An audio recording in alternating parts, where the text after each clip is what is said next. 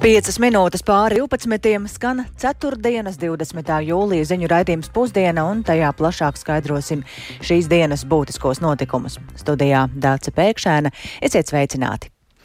Un vispirms par to, ka uzņēmuma Pobeda Confectionery īpašnieki ir iekļauti tā dēvētajā melnajā sarakstā. Tas saistīts ar valsts drošības dienesta konstatētajiem riskiem Latvijas nacionālajai drošībai. To ārzemnieku sarakstā, kuriem ieceļošana Latvijā ir liekta, iekšlietu ministrs Māris Kučīnskis no apvienotā saraksta kopā ar iekļāvis trīs uzņēmuma Pobeda Confectionery īpašniekus. Un plašāk par šo situāciju zina stāstīt kolēģi Agnija Lazdiņa, kas šobrīd ir pieslēgusies studijai. Sveika, Agnija! Agnija, un varbūt vispirms īsti atgādina to stāstu, kā viss sākās. Jā, labdien! Tātad šī gada martā valsts drošības dienests uzsāka pārbaudas aizdomām par Latviju. Latvijā reģistrētā uzņēmuma Pobeda Connection arī iespējami iesaisti atbalsta sniegšanā Krievijas bruņotajiem spēkiem. Un dienesta rīcībā bija nonākusi informācija, ka Krievijā bāzētā salduma ražotne Pobeda iespējams ir ziedojusi lielu apjomu produkcijas Krievijas bruņotajiem spēkiem, kuri veic kara noziegumus Ukrainā. Un Latvijā kopš 2014. gada ir reģistrēts ar Krievijas saldumu ražotni saistīts uzņēmums Pobeda Confection arī, kas arī ražo ražo un tirgo pa beda zīmola produkciju. Pārbaudas gaitā drošības dienests vērtēja Latvijā reģistrētā uzņēmuma, tā īpašnieku un patieso labuma guvēju iespējami iesaisti atbalsta sniegšanā Krievijas armijai. Un līdz ar to valsts drošības dienesta veiktā informācijas analīze liecina, ka Krievijas soldumu ražotne Pobeda ir sniegusi ilgadēju atbalstu Krievijas militārajai politikai, tāpat arī atbalstu Krievijas iebrukumam Ukrainā un Krievijas bruņotajiem spēkiem. Un uh, arī drošības dienests noskaidroja, ka Krievijas bruņoto spēku individuālajās pārtikas pakās tiek iekļauta pobeda produkcija. Un uh, produktus Krievijas armijai pobeda nodrošinot ilgus gadus un nav pārtraukusi nodrošināt arī pēc Krievijas iebrukuma Ukrainā. Līdz ar to valsts drošības dienas secinājis, ka pobeda nodrošina šos resursus Krievijas armijai atbildēt atbalstot tās noziegumus Ukrainā. Savukārt aiz, aizdomas par Latvijā reģistrētā uzņēmuma iesaisti atbalsta sniegšanā Krievijas bruņotajiem spēkiem neapstiprinājās. Vienlaikus gan Krievijas saldumu ražotnes īpašnieki atrodas arī Latvijā reģistrētā uzņēmuma īpašnieku struktūrā. Un tā kā konkrētās personas nav Latvijas pilsoņi, lai novērstu potenciālu apdraudējumu Latvijas nacionālajai drošībai, Drošības dienests rosināja tātad iekšlietu ministru personas melnajā sarakstā. Savukārt Latvijā reģistrētā uzņēmuma personāls esot brīdināts, ka par jebkāda veida atbalstī draud krimināla atbildība. Un uh, viena no pabeda ražotnēm jau septiņus gadus atrodas Ventspilī, kur tā īrē pilsētas brīv, pilsētas brīvostas pārvaldes telpas, un es centos sazināties arī ar kādu pārstāvi no Ventspils brīvostas pārvaldes, un pagaidām viņi gan komentārus nesniedz, taču norāda, ka iekšēja situācija tiks izvērtēta, un tad arī attiecīgi lems par tālākajām darbībām. Tāpat arī mēģināju sazināties ar uzņēmumu Latvijā, kur birojā man norādīja, ka situāciju varot komentēt vien īpašnieki, un uh, valsts drošības dienesta ziņojumā gan nav norādīti konkrētie īpašnieku vārdi un uzvārdi, miljardi, taču, kā jau iepriekš ziņots medijos, tad uzņēmuma kapitālā lielākā daļa pieder Kiprā reģistrētai kompānijai, bet pārējo kapitāla daļu īpašnieki ir Kipras pilsoņi Vitālijas un Olga Murovjovi, savukārt uzņēmuma pateisais labuma guvējs ir Kipras pilsonis Andrejs Murovjovs. Tāds pagaidām ir tas ieskats šajā situācijā, un tad plašāk jau skaidrošu programmā pēcpusdiena Dace. Paldies Agnijai Lazdiņai par šo skaidrojumu. Tātad uzņēmumu Pabeda Confectionery īpašnieki ir iekļauti tā dēvētajā melnajā sarakstā un plašāk par to tad arī runāsim raidījumā pēcpusdiena. Bet šajā brīdī mēs turpinām ar kādu citu stāstu. 254 jaunie karavīri šomēnes sāka 11 mēnešus ilgu dienestu valsts aizsardzības dienesta pirmajā iesaukumā. Viņi visi dienestam pieteicās brīvprātīgi un pēc adaptēšanās posma tagad ir sākusies pamata apmācība. Paralēli notiek arī pieteikšanās jau otrajam iesaukumam janvārī. Bet eh, visiem šiem tautā sauktā obligātā dienesta procesiem ir līdz sekojas arī kolēģis Santa Adamsona. Viņa šobrīd līdzās man studijā un gatava pastāstīt vairāk par aktuālo. Sveiks, Santa! Uh, jā, labdien! Uh, vispirms vēlos precizēt, uh, pirms, uh, pirms ētera tieši noskaidroju, ka nevis 254, bet 252 cilvēki esot iesaukumā. Sākumā bijuši šie 254, bet divi nesot ieradušies. Bet, jā, par ko vēlos pastāstīt? Par to, ka pagājuši jau 20 uh, dienas um, un Un vēlējos arī uzrunāt kādu uh, jauno karavīru, kurš varētu pastāstīt par to, kā tad viņiem klājas militārajā bāzē Ādažos un kādas ir sajūtas, bet tas šoreiz, diemžēl, nebija iespējams. Bet uh, par jauno karavīru režīmu um, šajā laikā gan ir gatavs pastāstīt NBS, sauszemes spēku mehanizētās kainieku brigādes otrā mehanizētā kainieku bataljona virsseržants Pēters Mužnieks. Varam paklausīties, ko viņš stāstīja. Celšanās ir pēc sešiem. Karavīram sākas rīts ar eh, nelielu rītros, tālāk iet uh, gatavošanās brokastīm, istabiņu sakārtošana, saklāšana. Parasti ikdiena sākas pirms 8.30, kad ir izvades. Izvade nozīmē, ka karavīri atrāda savu ārēju izskatu, noskūšies, savu dušu formu starp kārtībā. Un tad jau pēc 8.30 sākas nodarbības, 5. vakarā viss nodarbības beidzās, un tad karavīri dodas tā kā vieglā fiziskā sagatavotība. Un, protams, tad ir naktsmiegs. Desmitos jau karavīri saldi čuči savās gultās, un uh, sēdienas svētdienas pašlaik viss ir plānots brīvs. Jā, tālūk, Pēters Mužnieks iezīmē režīmu, bet, jā, kā jau minējām, turpinās brīvprātīgā pieteikšanās otriem iesaukumam. Bija plānots, ka tā ilgs līdz 15. jūlijam un būtu jau noslēgusies, bet aizsardzības ministrija un Nacionālajie bruņotie spēki lēma to pagarināt līdz 21. jūlijam, tātad līdz rītdienai. Komentāru par otro iesaukumu man tikai vēl šīs dienas laikā sniegs, bet uh, NBS iepriekš sacījuši, ka izteikti lielākais pieteikums skaits uh, valsts aizsardzības dienestam bijis neilgi pirms pieteikšanās termiņa beigām. Uh, tādēļ šādi, pagarinot termiņu, ir iespēja pieteikties vēl tiem, kuri atlikuši šo uz pēdējo brīdi. Te gan jāpiemina, ka ja nepieteiksies 120 brīvprātīgie, tad to trūkstošo skaitu iesauks obligātā kārtā, un nesen arī valdībā apstiprināti noteikumi tam, kā tas notiks par pilsoņu atlases pēc nejaušības principa. Īsumā varu izskaidrot, ka tas būs saraksts ar dienestam pakļautajiem pilsoņiem, tātad vārds uzvārds, personas kods, kas būtiski administratīvā teritorija un kārtas numurs. Viņu atlasēji Viņus atlasē reģistrēs pēc uh, administratīvajām teritorijām un attiecīgi katrā, katram piešķirs kārtas numuru. Tātad šos cilvēkus, kā es saprotu, mm, proporcionāli izlozēs gadījumu skaitļu ģenerators. Tālūk, bet par to sīkāk varēšu pastāstīt pēcpusdienā. Un šodien arī aizsardzības nozara ziņu portāls Sarks LV rīko diskusiju, kurā runās par jaunā dienesta nozīmi. Mhm. -huh. Bet ir zināms, cik šajā brīdī ir otriem iesaukumam pieteikušies, vēl, vai vēl nav zināms? Šobrīd uh, tas skaitlis vēl nav zināms, bet uh, līdz pēcpusdienai es, es būšu varējis to noskaidrot, domāju. Gaidīsim eh, tavu stāstu raidījumā pēcpusdienā. Paldies Santai Ādamsonai, tas tātad par valsts aizsardzības dienestu, kur vēl līdz rītdienai var pieteikties otrajam brīvprātīgajam iesaukumam. Bet mēs turpinām ar notikumiem citviet pasaulē. Aizvadītajā naktī vairāki simti cilvēku iebruka un aizdedzināja Zviedrijas vēstniecības kompleksu Irākas galvaspilsētā Bagdādē. Šādi viņi protestēja pret šodien Stokholmā atļauto demonstrāciju kuras rīkotāji sola dedzināt musulmaņu svētos rakstus Korānu. Neraugoties uz musulmaņu neapmierinātību, Zviedrijas varas iestādes nav aizliegušas Korānu publisku dedzināšanu, norādot uz vārda brīvību.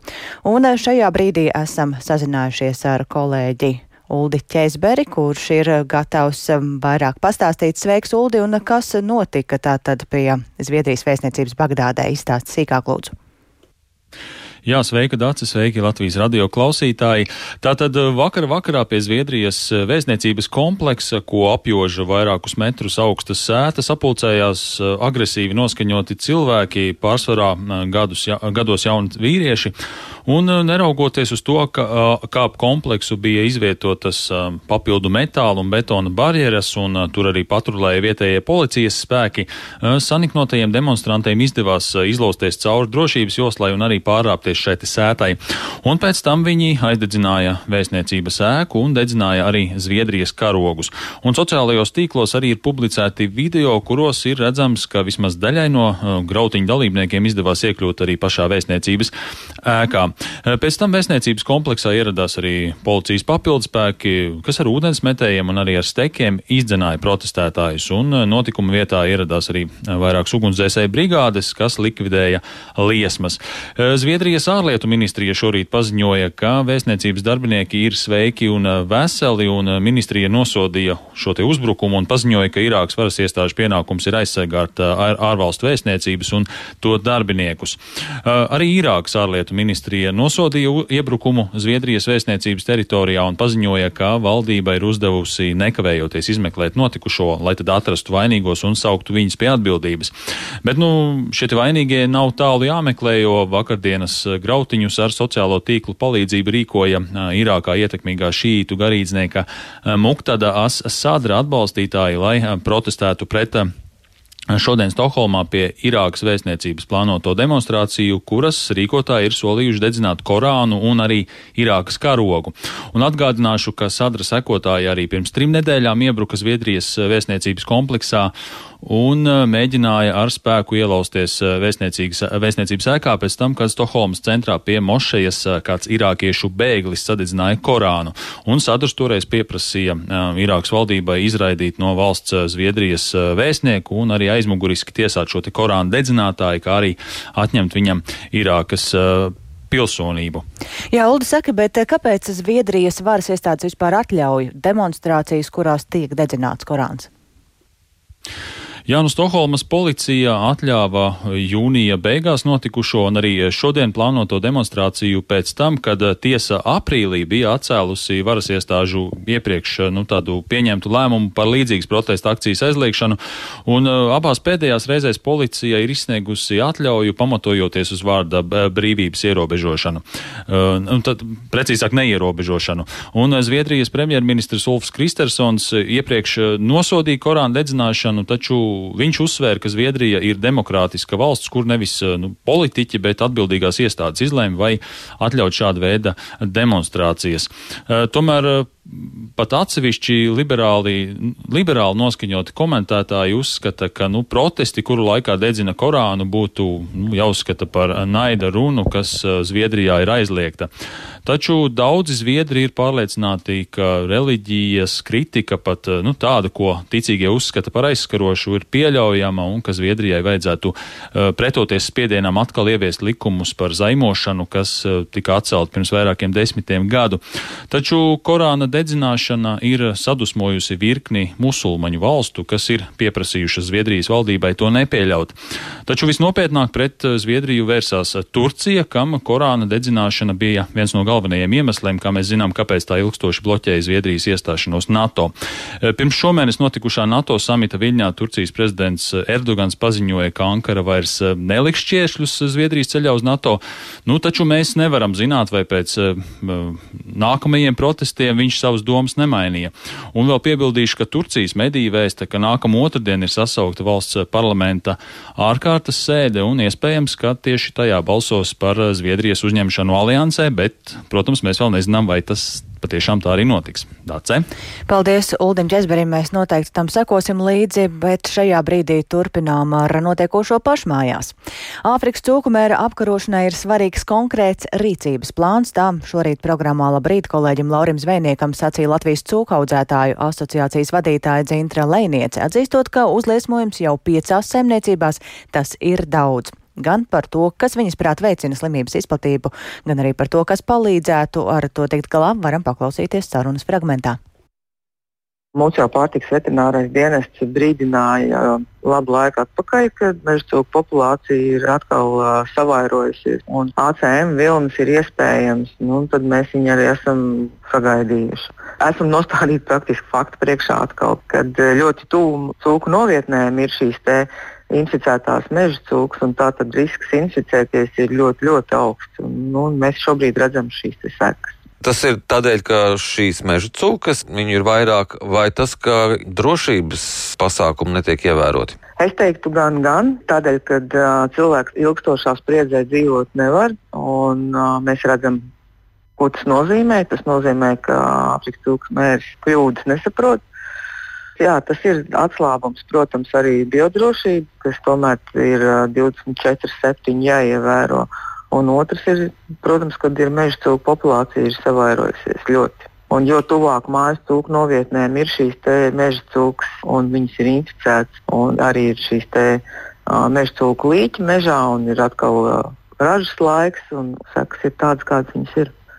Atšķirībā no savvaļas mājas cūkām, tikko ir ganāmpūkā šī infekcija, tad ganāmpūks tiek likvidēts, un šis infekcijas pērēklis arī tiek likvidēts atšķirībā no meža cūku populācijas. Un tā ir tā lielākā problēma, ko arī Eiropas Savienība ir sapratusi. Ir nepieciešama savvaļas cūku populācijas kontrole un ir jābūt katrai valstī šim rīcības plānam, ko mēs darām, kā mēs menedžējam meža cūku vai savvaļas cūku populāciju. Jo to ļoti labi pierāda gan Čehijas piemērs, gan Beļģijas piemērs, kur tieši ar šiem uzliesmojumiem savvaļas cūku populācijā tika ļoti ātri galā tieši ar kontrolēto rīcības plānu izpildi. Pie mums nepietiekami tiek šauts meža cūks? Es teiktu tā, ka ļoti labs pasākums bija kompensācijas par uh, nomedītajām meža cūkām. Tas tiešām veicināja populācijas samazināšanu. Un pie tādiem apstākļiem, kad mums tomēr ir šī Āfrikas cūku mēra infekcija valstī, ir nepieciešama radikāla pasākuma un savādāk nekā ikdiena.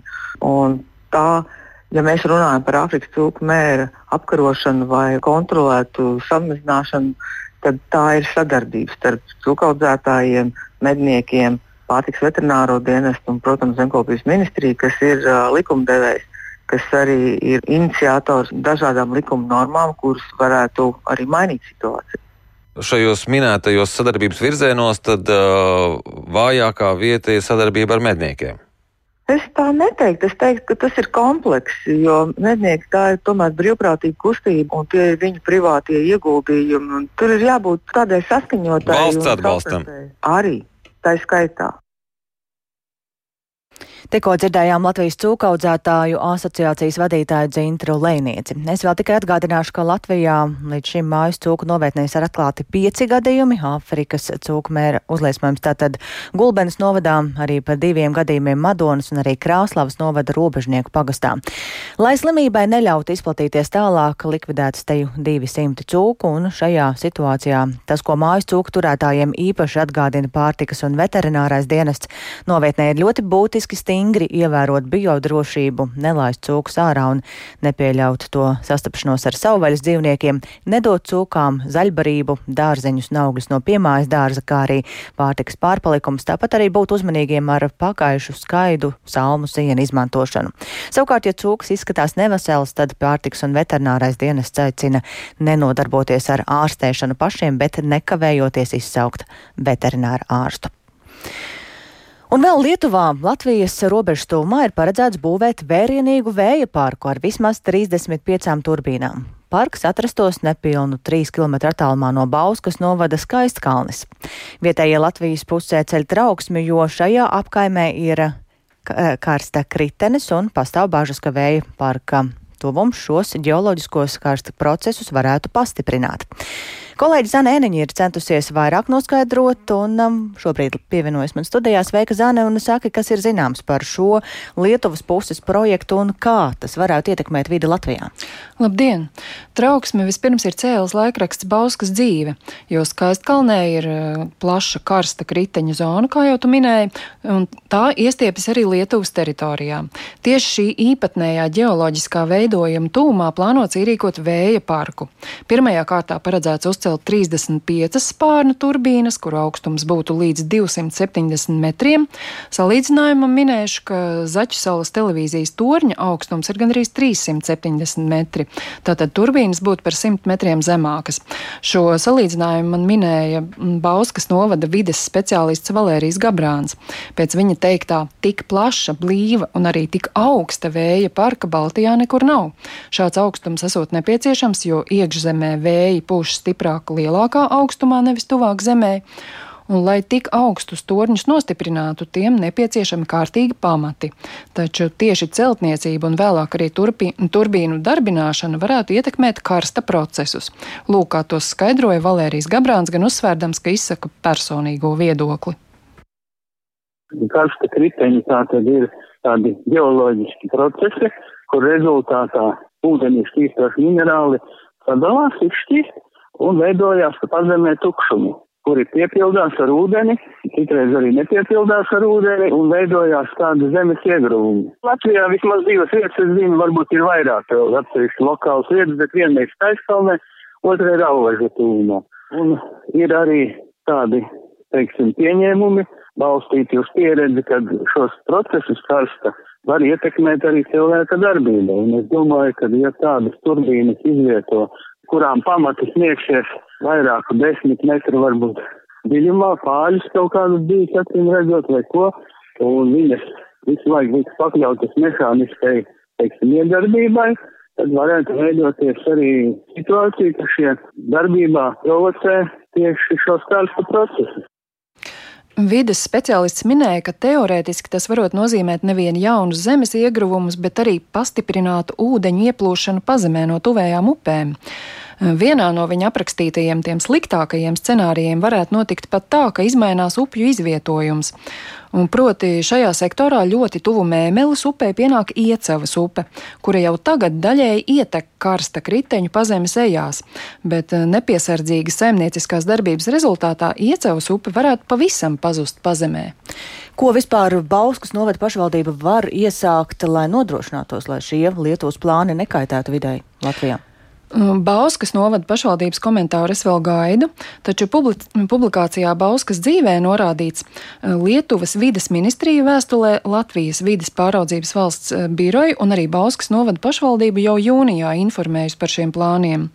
Kolēģi no Bauskas dzīves arī pabijuši attiecīgajā pašvaldībā Lietuvas pusē, Nemunēļa radvilišķu pārvaldē arī esot noraizējušies par gaidāmo vēju turbīnu būvniecību, bet viņiem apgalvots, ka projekts saskaņots un parakstīts rakstīts, pašvaldībai tikai jānoorganizē informatīva sapulce, kurā projekta attīstītājs, uzņēmums Biržu Vējas, prezentēs savu ieceru iedzīvotājiem. Tā notikšot 3. Eh, augustā. Pēc vides speciālista Valērija Gabrāna teiktā, arī Skaistkalnē esot paredzēts līdzīga sanākšana dienu vai divas vēlāk, bet diez vai vietējie paši tikšot kādā skaidrībā, tāpēc ceru uz vidas aizsardzības un reģionālās attīstības ministrijas palīdzību. Tāpēc es sazinājos ar atbildīgo ministru Māris Prindžuku no apvienotā saraksta, kurš apliecināja, ka par šo gadījumu viņam zināms un ka šādā situācijā projektam noteikti nepieciešams ietekmes uz vidi novērtējums. Paklausīsimies! Un šajā gadījumā, tad, ja viņš skar sarežģītu geoloģiju, tad tie projekta iniciatoriem ir jāpēta arī geoloģija, un tur var būt uh, abi varianti, gan ka kāda no teritorijām tiešām neder dēļ šiem karstkriteņu varbūtībām, un uh, līdz ar to tur nevar saņemt pozitīvi, un varbūt arī otrādi, ka konkrētajā vietā šīs kriteņas nav, un geoloģija to rāda, un tad tur nav vispār nekādu risku un tad ir pozitīvs tas atzinums. Ministrs arī norādīja, ka šajā ziņā gan Latvijas un Lietuvas likumi nedaudz atšķiroties. Latvijā ietekmes uz vidi izpēti ir vairāk ieinteresēto uzņēmēju ziņā, bet Lietuvā valsts līmenī jau ir noteikts, kādi kurā teritorijā ir tā sakot spēles noteikumi. Es sazinājos arī ar vides pāraudzības valsts biroju. Tur paskaidroja, ka procedūra ir tikai pašā sākuma posmā. Lietuvas puse ir uzdevusi Latvijai jautājumu, vai tā piedalīsies ietekmes uz vidi novērtējumā. Un birojs savukārt attiecīgi to ir pajautājis eh, visām potenciāli ieinteresētajām institūcijām, bet eh, jau šobrīd izskatoties, ka Latvijas puse šajā procesā iesaistīsies. Tādējādi ietekmes uz vidi novērtējums būs eh, pārobežu, pārobežu mēroga pasākums. Paldies Zanai Eniņai par šo skaidrojumu un runājām par uh, skaistkalni, kur radušies, uh, radies sastraukums par to, ka Lietuvā Latvijas robežu tūmā ir paredzēts būvēt vērienīgu vēju parku. Un ar to tad arī skan raidījums pusdiena. Producente Ilza Agīnta ierakstus montēja Renārs Steimanis par labskaņu rūpējās Mārtiņš Paiglis un ar jums sarunājās Dāts Pēkšēna.